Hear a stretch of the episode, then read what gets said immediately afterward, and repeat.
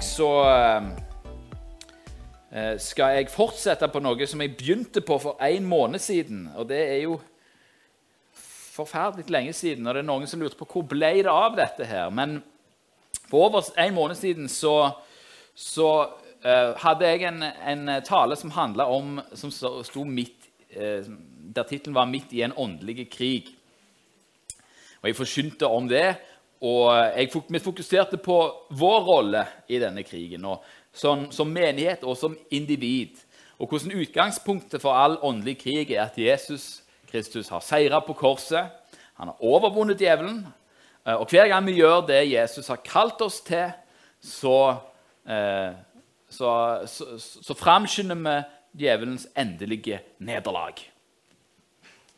Det er godt. Eh, Jesus har vunnet djevelen har tapt. Men han er ikke overvunnet ennå, så han, eh, han, gir fortsatt lyd ifra seg. Men han har tapt. Vi fokuserte på vår rolle. Ehm, det var oss. Jeg siterte en sånn gammel general som heter Sun Tzu, som sa at hvis du eh, går i, i, krig og kjenner, eh, og kjenner deg sjøl og fienden din, så vil du vinne hvert et slag. Hvis du, verker, hvis du, ikke, hvis du kjenner deg sjøl, men ikke fienden, så vil du tape noe og vinne noe. Hvis du ikke kjenner deg sjøl eller fienden din, så vil du tape hver gang. Så vi fokuserte på da, å kjenne oss sjøl, vår rolle, hva som er utgangspunktet for denne krigen. Og I dag skal vi bli kjent med vår fiende. Men Thomas, da skal ikke du tale om Jesus? Jo, masse om Jesus. Men vi skal se det i lys av hva han har gjort med vår fiende. Så Vi skal søke å forstå vår motstander, djevelen, hans hensikter, hans metoder, og hvordan vi kan stå han imot. Og Så skal vi òg se på den åndelige geografien. Og Hva det er for noe, skal jeg forklare senere for deg som har funnet på eh, ordet. Eh, men kort sagt så handler det om hvordan ser åndelig krig ut i en norsk kulturell kontekst. Er dere klar til det? Jeg tenker at Når vi skal begynne å snakke om fiendens hensikter, så kan det være godt å begynne med å be. Kjære Jesus, jeg takker deg, Herre, at uh, uansett hva hensikter vår fiende har, så er dine hensikter større, uh, dine hensikter er mektigere, og dine hensikter fører til seier gjennom alle tider uh, og i våre liv, Herre. Vi takker deg, Herre, at vi kan frimodig stole på deg i alle ting og i møte med alt det som vår fiende vil takker deg for det i Jesu Kristi navn. Amen. For å begynne hva vil djevelen? Vi har en levende åndelig virkelighet der det fins en motstander, djevelen og hans demoner. Hva vil han? I Johannes 10, 10a, så står det, sier Jesus at tyven kommer bare for å stjele, myrde og ødelegge. Det er det han vil. Han vil stjele alt som er godt. Han vil, han, han vil myrde alt som er godt, og så vil han ødelegge alt som er godt. I Jobb kapittel 1, eh, vers 11, så, eh, så, eh, så ser vi òg hva som er djevelens hensikter. Der kommer djevelen fram for Gud og sier 'la meg friste jobb'. La meg føre alle plager som fins, over jobb. Og her ser du hensikten hans. Rekk bare din hånd ut og rør ved alt det som han ser. Da vil han få visst si deg farvel like opp i ansiktet. Djevelens fremste mål er at du skal si Gud farvel like opp i ansiktet. Han vil stjele troen din. For hvis han kan få stjele troen din, så har han ødelagt for, uh, for relasjonen mellom deg og Gud. Han vil prøve alt han kan for å gjøre det. Nå, eh, Lenge så hadde djevelen to mektige våpen for å få dette til.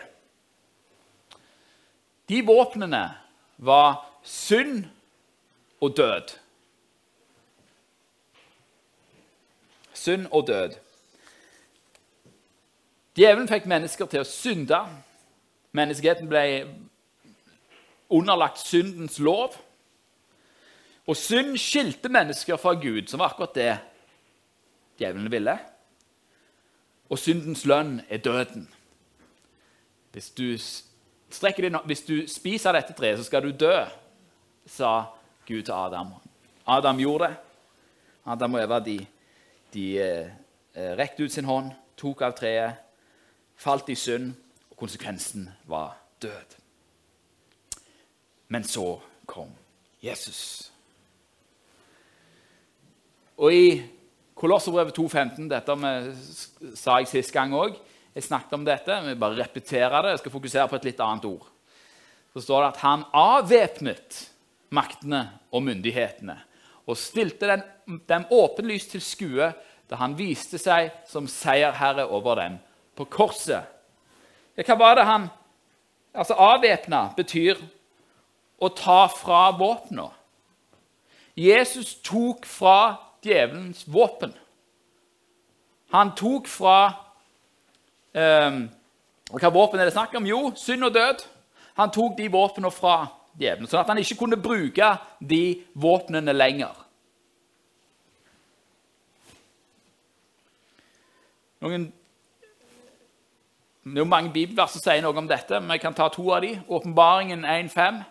Der står det Og fra Jesus Kristus, det troverdige vitne, den førstefødte av de døde og herskeren over kongene på jorden, han som elsker oss og løste oss fra våre synder med sitt blod. Når Jesus kom og døde på korset, så tok han, tok han seg av synd.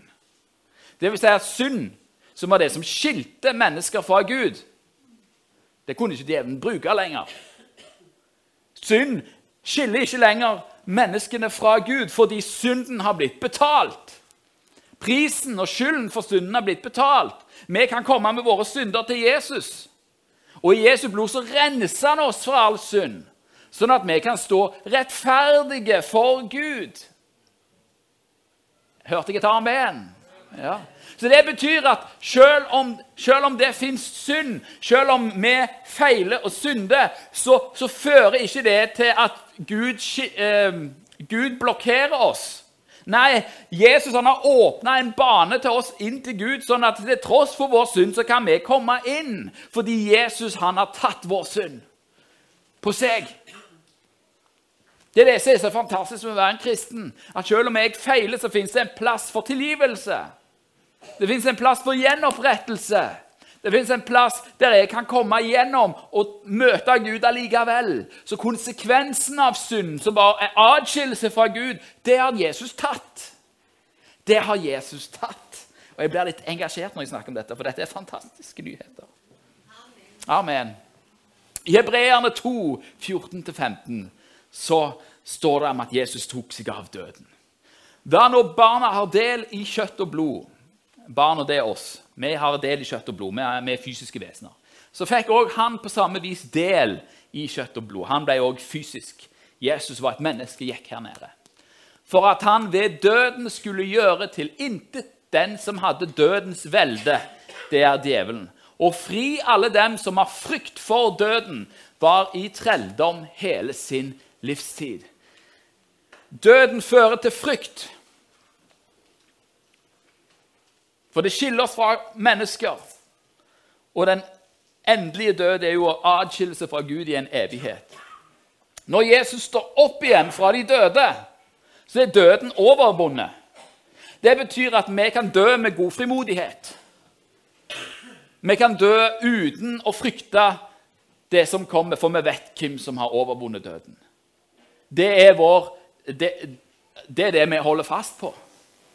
Vi holder fast på Jesus. Og Det betyr at vi trenger ikke frykte døden. Så det betyr ikke det at frykten ikke kan komme over oss og i møte med døden. Selvfølgelig kan det det. Det er noe ukjent. Ingen av oss har gjort det før. Sant? Vi skal alle dø en gang, men ingen av oss har gjort det. Men vi trenger ikke å frykte. Vi trenger ikke å bli holdt i trelldom pga. at vi skal dø. For vi vet at ja, vi skal jo leve med Jesus i all evighet. Så de to store våpnene, synd og død, de har Jesus tatt. Han har avvæpna djevelen. Det betyr at djevelen ikke har noen makt. Har ingen makt over de som er i Kristus. For det fins tilgivelse for synd i Jesu blod, og Kristus har overvunnet døden. Vi har ikke grunn til å frykte den lenger. Det er dette som er evangeliets gode nyheter. Men når jeg ser meg rundt om i verden, så ser det jo unektelig ut som om djevelen har makt. Men hvordan kan han ha makt hvis han egentlig ikke har makt? Hvis han ikke har våpen? Hvorfor har han fremdeles makt? For han, han er våpenløs.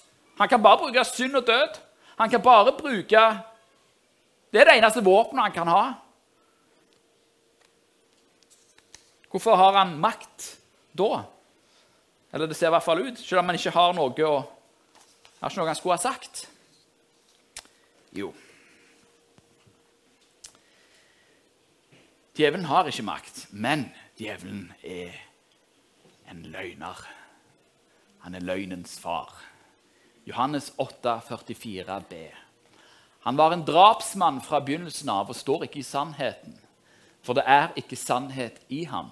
Når han taler løgn, taler han av sitt eget, for han er en løgner og løgnens far, sier Jesus om djevelen.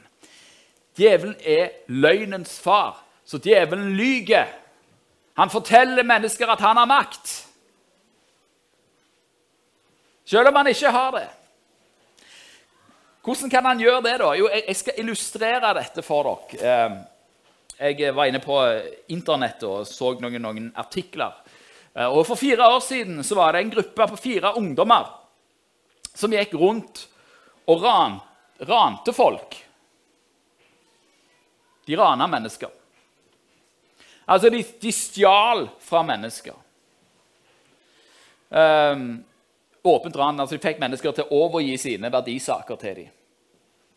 Når disse ungdommene var bevæpna Men de var ikke bevæpna med pistoler. De var bevæpna med noe som så ut som pistoler, med softguns. Hvis de hadde blitt brukt, så skyter de bare ut noen sånne små plastikkuler som kanskje gjør litt vondt, men som ikke er i stand til å drepe noen, ikke er i stand til å skade noen. Så de, de sa at de, de, de lurte og løy om at de hadde en makt til å ta livet av dem. Og dermed så du, må du gi meg pengene dine. Men så hadde de egentlig ikke den makten. Men fordi folk ikke visste at dette var ikke var et skikkelig våpen, så ga de pengene likevel.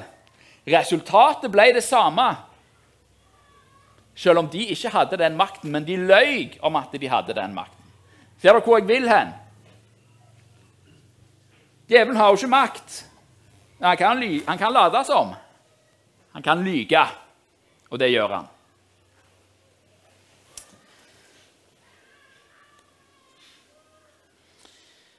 Den eneste måten djevelen kan få makt over deg på, det er ved løgn.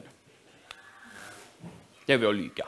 Det er å plante løgntanker i hodet ditt. Hvis han kan få deg til å tvile på evangeliet og tvile på rekkevidden av evangeliet, så kan han få makt over deg. Det er ikke fordi han har makt, men han får makt fordi man tror på han. Akkurat som de som ble rana. Disse ungdommene hadde jo ikke makt over dem, men de fikk makt fordi de trodde på dem. Er dere med?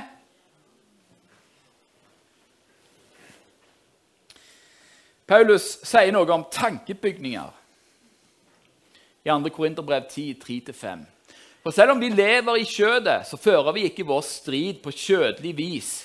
For våre våpen er ikke kjødelige, men de er mektige for Gud til å bryte ned festningsverker idet vi river ned tankebygninger og enhver høyde som reiser seg mot kunnskapen om Gud, og tar enhver tanke til fange under lydigheten mot Kristus. Når Paulus er der og snakker om festningsverk og høyder som reiser seg mot kunnskapen om Gud, så bruker han et bilde som korinterne forsto veldig godt. Som festningsverk og høyder Vi skjønner ikke dette. Jeg skal vise dere et bilde fra byen Korint. Dette er byen Korint. Det gamle Korint. Dette er en av gatene i det gamle Korint. Ligger nå i ruiner. Ser dere at det er en høyde bak der? På den høyden, Dere ser ikke det på dette bildet, men der er det et festningsverk. Og det, Denne høyden heter Akro-Korint. I flere tusen år så var dette fjellet, denne høyden, den viktigste festningen i Hellas. Her ser vi festningsverkene. Den som kontrollerte denne festningen, kontrollerte ikke bare byen Korint, men hele inngangen til Peloponnes, den sørlige delen av Hellas. Og I tillegg til å være en festning så var det på toppen av dette et, nei, fjellet et tempel som var dedikert til Afrodite, fruktbarhetsgudinnen i Korint. Så Akro-Korint var på en veldig fysisk måte en høyde som reiste seg mot kunnskapen om Gud. Sant? Når, når, når, Paulus snakker om en høyde som reiser seg mot kunnskapen om Gud, så forstår korinterne hva han snakker om. Ja, ja, Det er den der høyden der oppe. De som kontrollerer den høyden, de kontrollerer denne byen. Og inni der så er det et afrodite-tempel. Hvis dere har lest korinterbrevene, så ser dere at seksuell umoral var et stort problem. Kan ha en connection til dette afrodite-tempelet. Men når Paulus snakker om å bryte ned festningsverk, så snakker han ikke om å storme denne festningen og ødelegge Afrodite-tempelet. Nei, han snakker om å rive ned tankebygninger og ta tanker til fange under lydigheten mot Kristus. Fordi Paulus visste at på samme måte som Akrokorint kontrollerte byen, så blir vi kontrollert av de tankene vi tenker. Og hvis de tankene er løgntanker, som ikke samsvarer med sannheten i evangeliet, så vil de tankene binde oss, så vil de holde oss i trelldom. Selv om vi tror på Jesus. Men våre våpen er mektige til å rive ned tankebygninger. Hva er da våre våpen?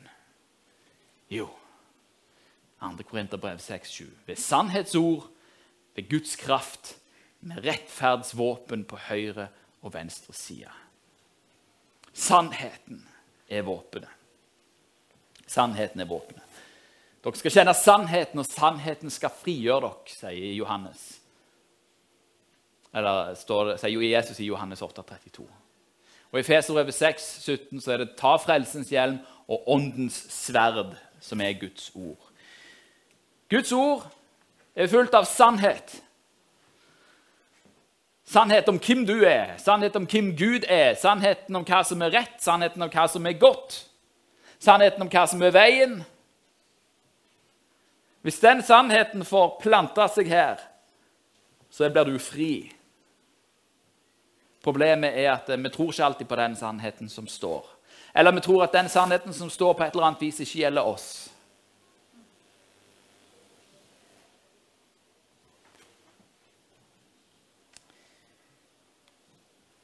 Det er derfor rett lære og rett teologi er viktig. Det er viktig å vite sannheten om Gud og om oss sjøl, sånn at vi kan tenke og leve i tråd med sannheten. Er det da sånn at så lenge jeg tror på evangeliet og alt Guds ord, så er jeg da fri fra djevelens trelldom? Ja, egentlig. Ja, definitivt ja. Men det spørs hva du mener med tro. Ja, Men vi tror jo at alt som står skrevet, er sant. Vi kjøper hele pakken, gjør vi ikke det? Jo, vi gjør det intellektuelt sett. Sant? Oppi her så tror jeg det. Men tror jeg det her? Tror jeg det i hjertet mitt?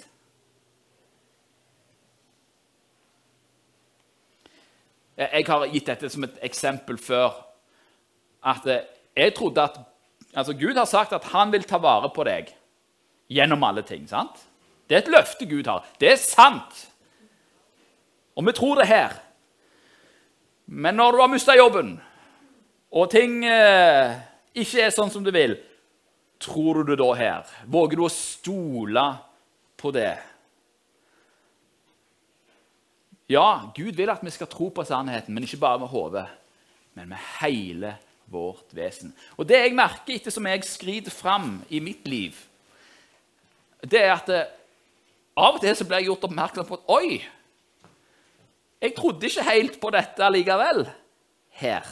Jo, jeg tror på det her, men jeg trodde det ikke her. Men så får jeg lov til å velge å tro på det. Og da, da, da, da er det noen festningsverk som ryker, det er noen tankebygninger som blir revet ned. Og så blir det frihet for meg. For Gud har kalt deg til frihet.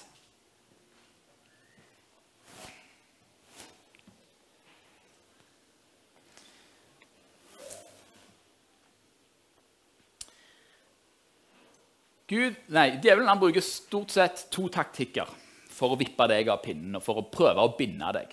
Når jeg sier 'binde', så betyr det ikke at du mister frelsen. Det går an å være bonden på et sett og vis av djevelen uten, mens du fremdeles er frelst. Men altså, vi er i krig. Han vil holde deg bonden. Han vil, han vil, ikke at du skal være i aktivitet. Han vil ikke at du skal være en trussel. Og Hvis han ikke kan stjele troen din, så vil han i hvert fall at du skal holde deg i ro. Ti stilt. Er dere med? Ja. Og Det er to måter han bruker. Dette, her er, dette er djevelens taktikk gjennom 2000 år. Han har ikke endra seg så veldig mye. Han bruker fristelse og frykt. To fr-ord. Fristelse og frykt.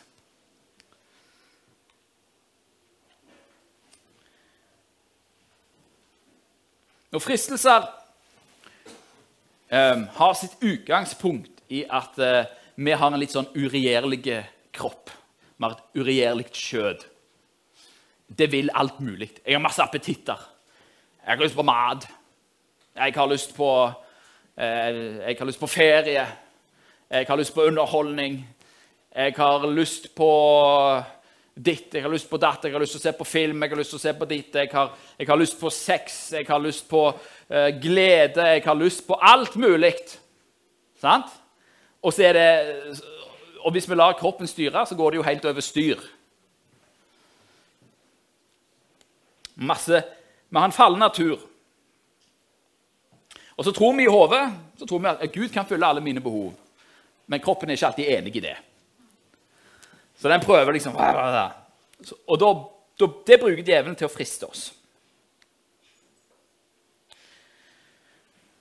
Og da skjer det sånn som dette.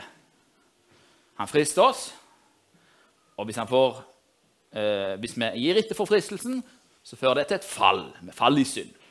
Snubler dette. Og når vi først har gjort det, så kommer han med anklagen. Da kommer han 'Å ja, ser hva slags god kristen du er, ja.' Bør egentlig bare gi opp hele dette opplegget. Du, du er jo ikke verdt noe.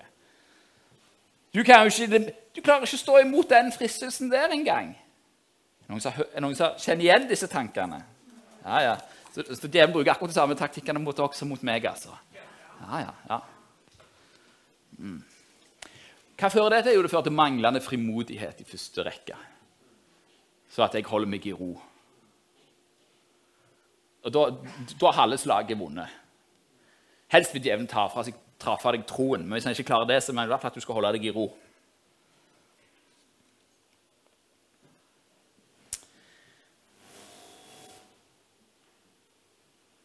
Hva er da eh, hvis, vi, hvis vi da har kommet Vi kan bli vippet av pinnen, vi kan falle i synd. Vi har en uregjerlig kropp. Ja. Hva skal vi da gjøre? Nå I Johannes 3, 2021 så står det hver den som gjør det onde, hater lyset og kommer ikke til lyset for at hans gjerninger ikke skal bli refsa. Men den som gjør sannheten, kommer til lyset for at hans gjerninger kan bli åpenbart, for de er gjort i Gud. Hvis du har falt i synd, så betyr det at å ja, du er et menneske, du òg. Selv om du er kristen. Ja, ja, du er et menneske. Selvfølgelig kan du falle i synd. Alle kan falle i synd. Jeg faller i synd. Men når du faller i synd, hva gjør du da? Tenker du dette må ingen få vite. Ingen må få vite hva jeg har gjort. Ho, ho! Eller kommer du og sier Går du framfor Gud og mennesker og sier Dette har jeg gjort. Dette er sannheten. Lev i lyset. Du vet, trollet, det trives i mørket. Og du må skjule det. Du må skjule det. Tenk hvis noen får vite hva du har gjort. Det er det djevelen sier. Tenk hvis noen får vite hva du har gjort. Ja, hvis folk får vite hva jeg har gjort, så forstår de bare at å ja, du er et menneske, du òg. Du òg kan falle. Vi er ikke gode, noen av oss. Men Kristus er god. Og den som gjør sannheten, han kommer til lyset for at hans gjerninger kan bli åpenbart, for de er gjort i Gud. Vet du hva? Det å be om tilgivelse, det å si at 'dette har jeg gjort, dette har jeg synda med', det er en god ting. Det er en god ting. Vet du hvorfor det er en god ting? Fordi da kan du få ta del i tilgivelsen. For Jesus står der med åpne armer for å tilgi. Det er lov å si amen. Jeg er kjempeglad i dette her. Ja, ja, ja. Fantastisk. Tenk at det fins tilgivelse for synd. Tenk at det, tenk det fins tilgivelse for synd. Altså, jeg, og jeg vet veldig godt hva det er å gå i, i dette her slaveriet. For, for altså, jeg har jo vært bonde av pornografi i over ti år, sa det ikke til en kjeft. sant? Det var først når jeg bekjente det for de eldste Å, var Kan du tenke at djevelen anklagte meg? Hvordan kan du, Thomas? Du står og taler. Å, du er en løgner, du. Folk skulle bare visst. Og så fikk de eldste vite. Og så fikk jeg oppleve å ja, det fins tilgivelse. Så spurte han meg har du lyst til å leve sånn. Nei, jeg har ikke det. det eneste jeg har lyst til, er å bli fri. Ja, Men da kan du fortsette å forkynne. Og så får vi hjelp, og så kan du få lære å på en måte bli kvitt denne driten. Ja. Amen. Amen. Så er jeg fri. Så har jeg levd fri, og det er godt. Det går an å være fri. Men det er en, en, en ting er jo å på en måte vandre i lyset. Uh, sånn at vi ikke uh, tar i Sånn at anklagen forsvinner. Men det er jo kjekt å ikke falle i fristelse. Sant? Og vi trenger ikke være forsvarsløse mot det heller. I Galaterbrevet 5, 16, vers 24-35 så står det 'Vandre i ånden', så skal dere ikke fullføre kjødets lyst. De som hører Kristus Jesus til, har korsfesta kjødet med, med dets lidenskaper og lyster. Dersom vi lever i Ånden, da la oss òg vandre i Ånden. Og Hva betyr dette her, å ha et korsfesta kjød? Altså, Mitt kjød er jo ikke korsfesta. Jeg henger jo ikke fysisk på et kors. Hva mener Paulus her? Med at jeg er korsfesta med Kristus? Jo, når jeg ble døpt, så ble jeg døpt til Jesu Kristi død. Så ble jeg reist opp for å leve med Han i et nytt liv. Hva betyr det? Jo, det betyr at jeg ikke er min egen herre. Og jeg vil ikke at dere skal prøve å slåss mot djevelen. Sorry, dere har ikke sjans'. Jeg vil ikke slåss med djevelen. Jeg kjemper ikke med tanker lenger. Jeg gjorde det. Jeg kjempa med tankene. Prøv å kjempe Altså, prøv å ikke tenke på en elefant. Var det noen som tenkte på en elefant? Ja.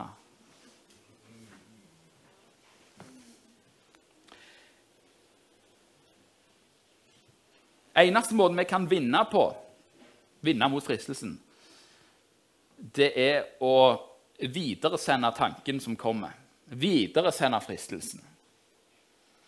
Jeg skal gi et konkret eksempel. Her i forrige uke så kom det noen eh, som skulle selge alarmer til huset som jeg bor i. Og de kom der og ville selge alarmer og sånne ting. Og så, og så og masse greier. Og ja, ja, ja, fine greier. Sto der. Eh, men eh, det var veldig enkelt for meg å si nei. Eller jeg sa jo egentlig ikke nei. Jeg sa for tingene at det huset jeg bor i, er ikke mitt. Så du må ta det med huseieren. Sant? Da er det jo lett å si å ja, ja, det er ikke du som er sjef her, nei. Jeg må ta det med husets herre. Er du sjef i ditt eget liv? Eier du deg sjøl? Nei, du gjør jo ikke det. Du er jo tempel for Den hellige ånd. Jeg er jo korsfesta med Kristus. Jeg har jo sagt at Jesus er herre over mitt liv. Så det betyr at når djevelen kommer og banker på med en fristelse, eller skjøtet frister deg, så, så, er det jo ikke sånn at Nei, du får ikke til å komme. Stikk, stikk, stikk. Nei, du sier jeg er ikke min egen herre.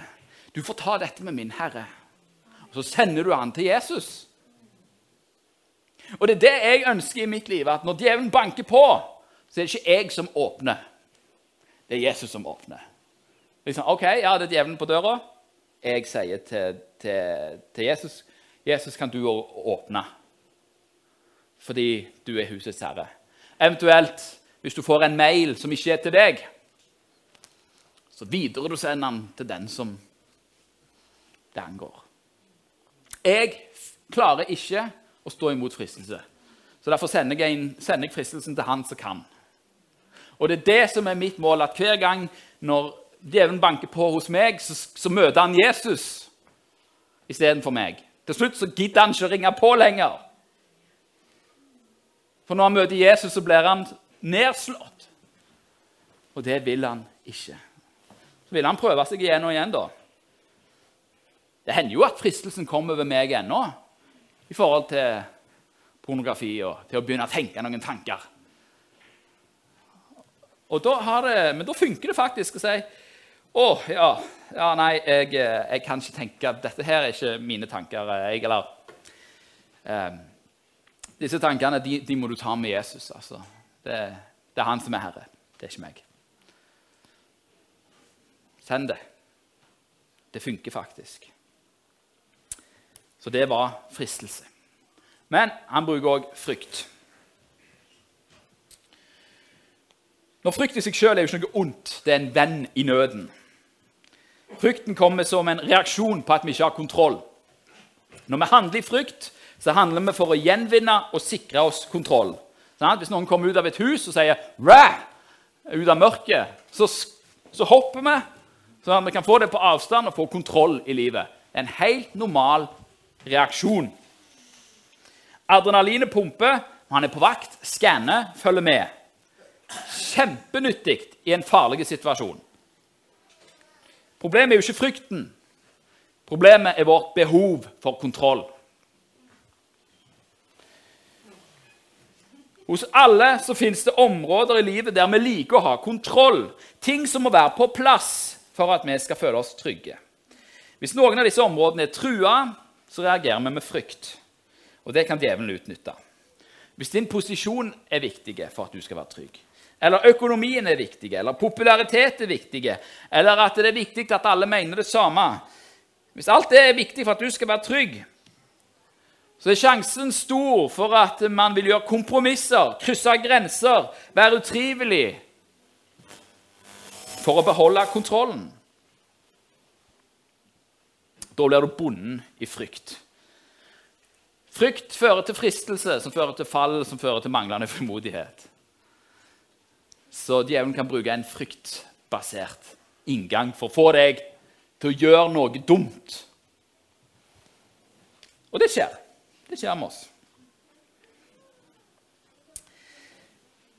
Når motmiddelet til frykt det er ikke mer kontroll. Det å akseptere at du ikke har kontroll, og kunne leve greit med det. I Jesaja 26, 3-4 så står det at den som har et grunnfesta sinn, han lar du alltid ha fred, for til deg setter han sin lit. Sett deres lit til Herren til alle tider, for i Herren, Herren har vi en evig klippe. Du trenger jo ikke være redd for noen ting. Det verste som kan skje, er at folk tar livet av deg. Men det er jo ikke et problem, det heller. Og alle disiplene levde som om det var sant, for de ble drept for Jesus skyld, alle sammen, bortsett fra én. De levde som om dette var sant. De visste jo at det var sant. De hadde jo sett Jesus stå for de døde. De visste at det er no problem å die. Ingen problem å dø. Så du trenger ikke være redd. Hvis vi setter vår lit til Gud, så trenger vi ikke frykte. Så når frykt kommer inn i livet Det kan jo komme inn i livet, fordi vi er, vi er jo mennesker. Og vi, jo, vi stoler på Gud, men stoler vi på Gud? Sant? Ja, vi gjør det her, men gjør vi det her? Og Det er når vi kommer i de situasjonene med at vi oppdager Oi, kanskje jeg ikke trodde helt på dette likevel. Men det går an å ta nye steg i tro og stole på Gud. Det er veien ut av frykt. Jeg har kontroll, sier Jesus. Jammen godt at du har kontroll. Jeg har ikke kontroll.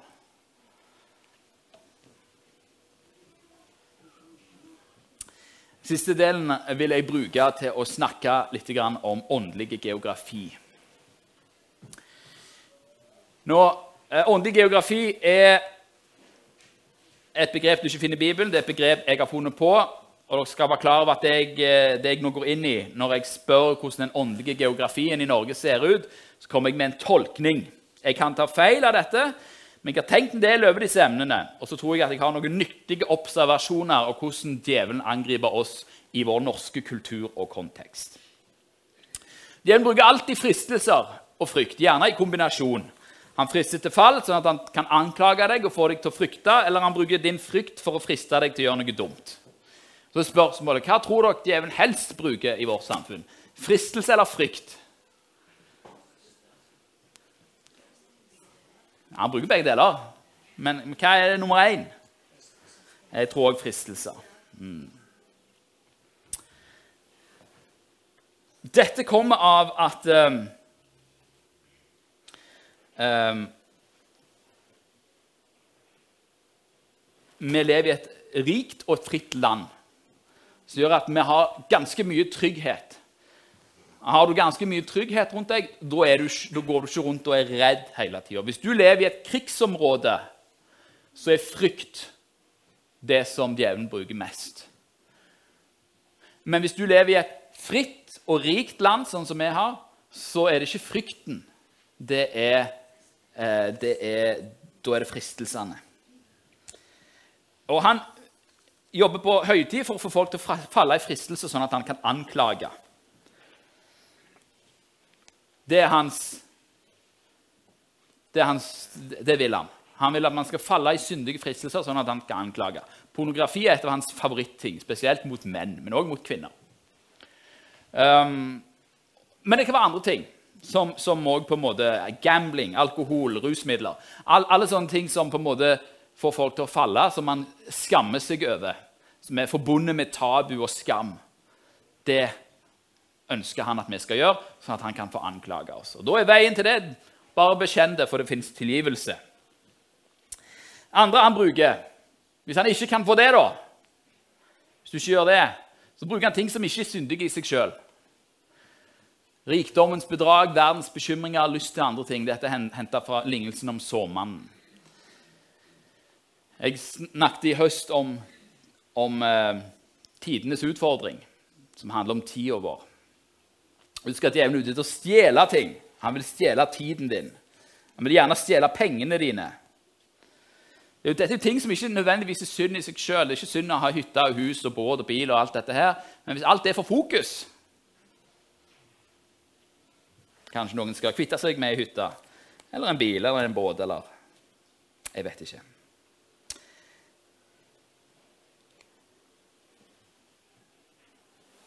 Det handler litt om prioritering. Det som da er rikdom og bekymring og lyst til andre ting, det, det, er det som er verden. Ting som er i verden. Ting som er spennende og kjekt og alt mulig. Som da kommer inn og kveler ordet. Det kveler livet med Gud. Så der ligger på en måte den store fristelsen i vårt samfunn. Alt er så tilgjengelig. Sant? Jeg, jeg, kan, jeg kan gjøre alt jeg vil. Jeg har penger nok omtrent. sant? Og hvis jeg ikke har penger nok, så kan jeg lyste etter det som jeg vil, og så kan jeg tjene masse penger sånn at jeg kan få det jeg vil. Det er fristelsene. Og så glemmer man de tingene som er viktig. Som er å ha et liv med Gud hver eneste dag. Som er å gå i menighet og gå i kirke. Men nå er dere her, da, så det er jo bra. Eh, det er bra. Og så har vi frykten. Nå, en av de eh, tingene som eh, Der djevelen bruker frykt iblant oss som kristne, det er jo at vi lever i, en, eh, vi lever i et land med økende kulturell endring. Eh, og det kan føre til frykt iblant oss. Når eh, endringer i lovverk og kultur eh, Om en måned så er det pride. Så Da det, kommer pride-flagget opp i stengene. Det kan friste til, til hat. Djevelen kommer snikende og sier 'Se hvordan de ødelegger landet ditt'. Og så kan du bli sint og så, og så kan du hate andre mennesker. Det er vi jo ikke kalt å gjøre. Du skal elske alle mennesker, uansett hva de gjør.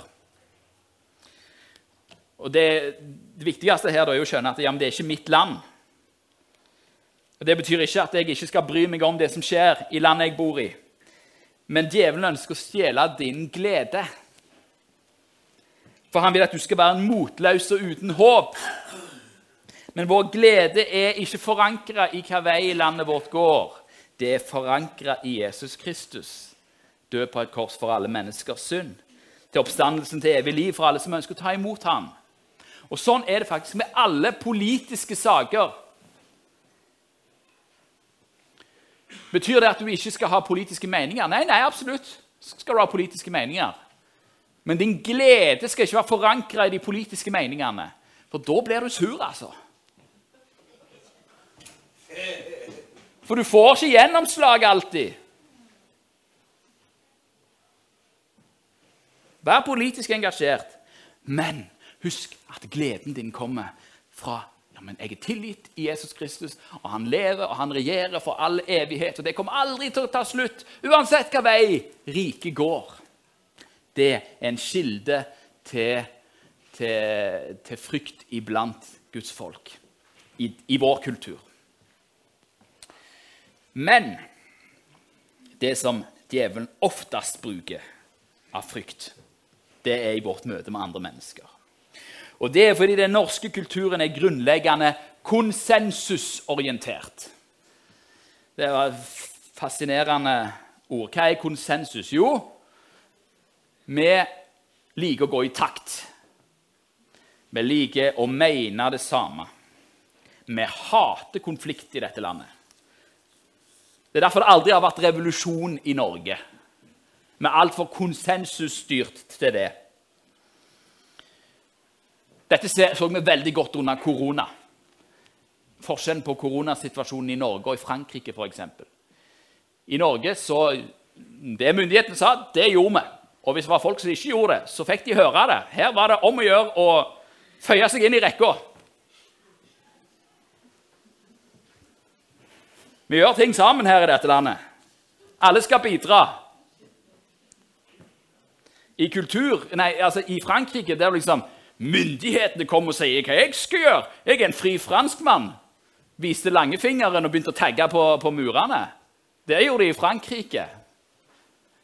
Helt annen kultur. Mens i Norge gå i takt!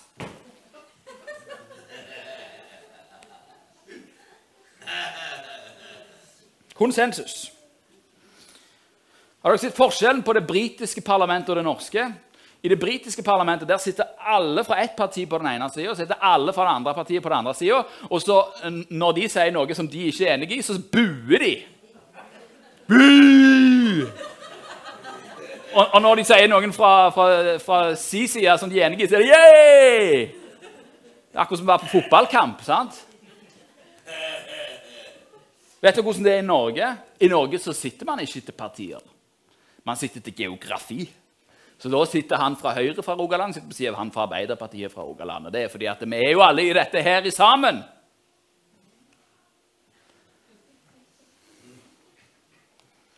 Det er derfor nordmenn stort sett snakker om været. Det er vanskelig å være uenige om været.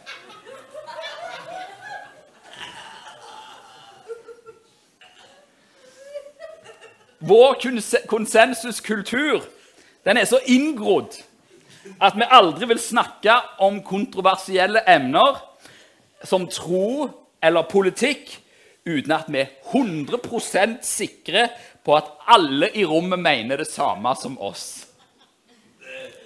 Det er ingen som snakker, eh, dere vet det selv, det er ingen som snakker om politikk uten at dere mistenker at de stemmer på det samme som det du gjør. Og samme med tro.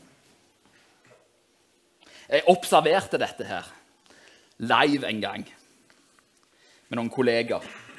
Der vi skulle ut på en eller annen sånn ekskursjon. Kom, og Hun som leda det, hun var fra Italia. Det vil si, hun har ikke norsk kultur. Hun er ikke opptatt av konsensus. Og Hun begynte da å snakke om hvordan hun mislikte kristendom og tro. Og Jeg vet ikke hvor mange kristne som var der. Jeg var der som var kristen, men, men jeg så på alle de andre at de begynte å bli litt sånn syntes dette var utrolig kleint. Fordi de visste ikke hva alle de andre mente. Og da kan man jo ikke snakke om sånne ting. Folk bare «Øh, Skift samtaleemne, skift samtaleemne.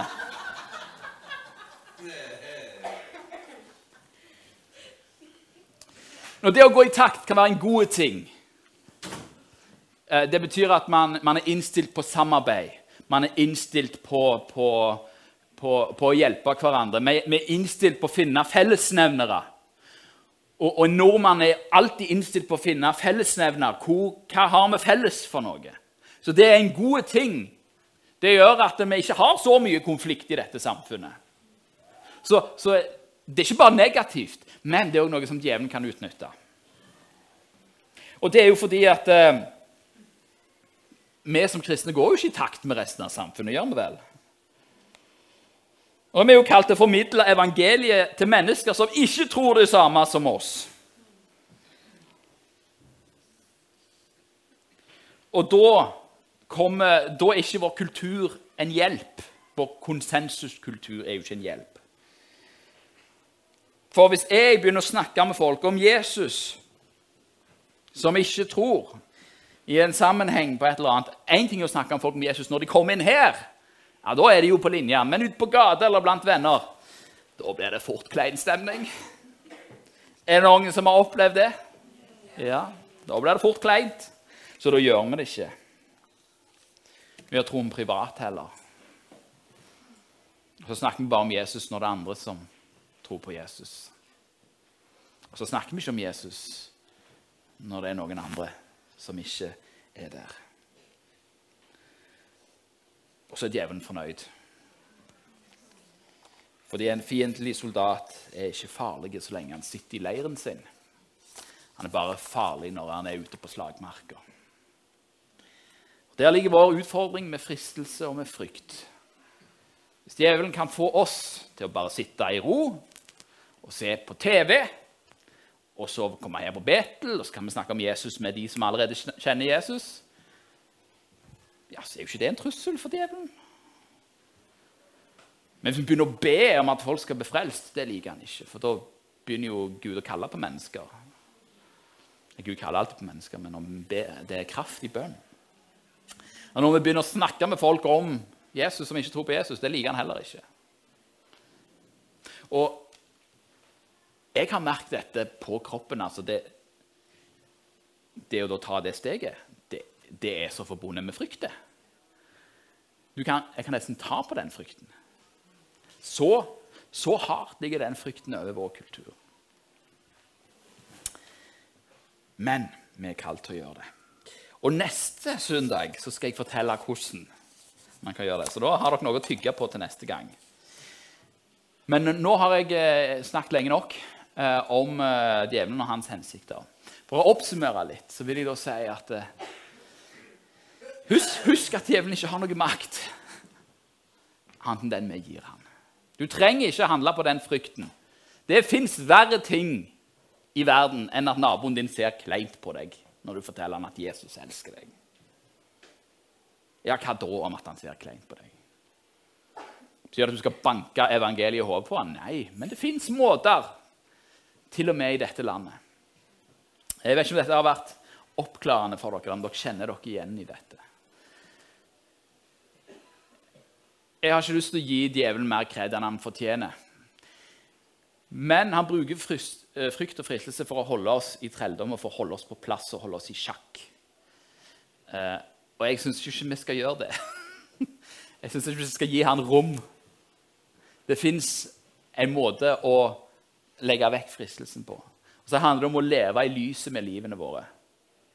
Eh, og så handler det om å handle i tro og handle i frimodighet, sånn at vi kan bryte den fryktbarrieren som ofte kommer over oss.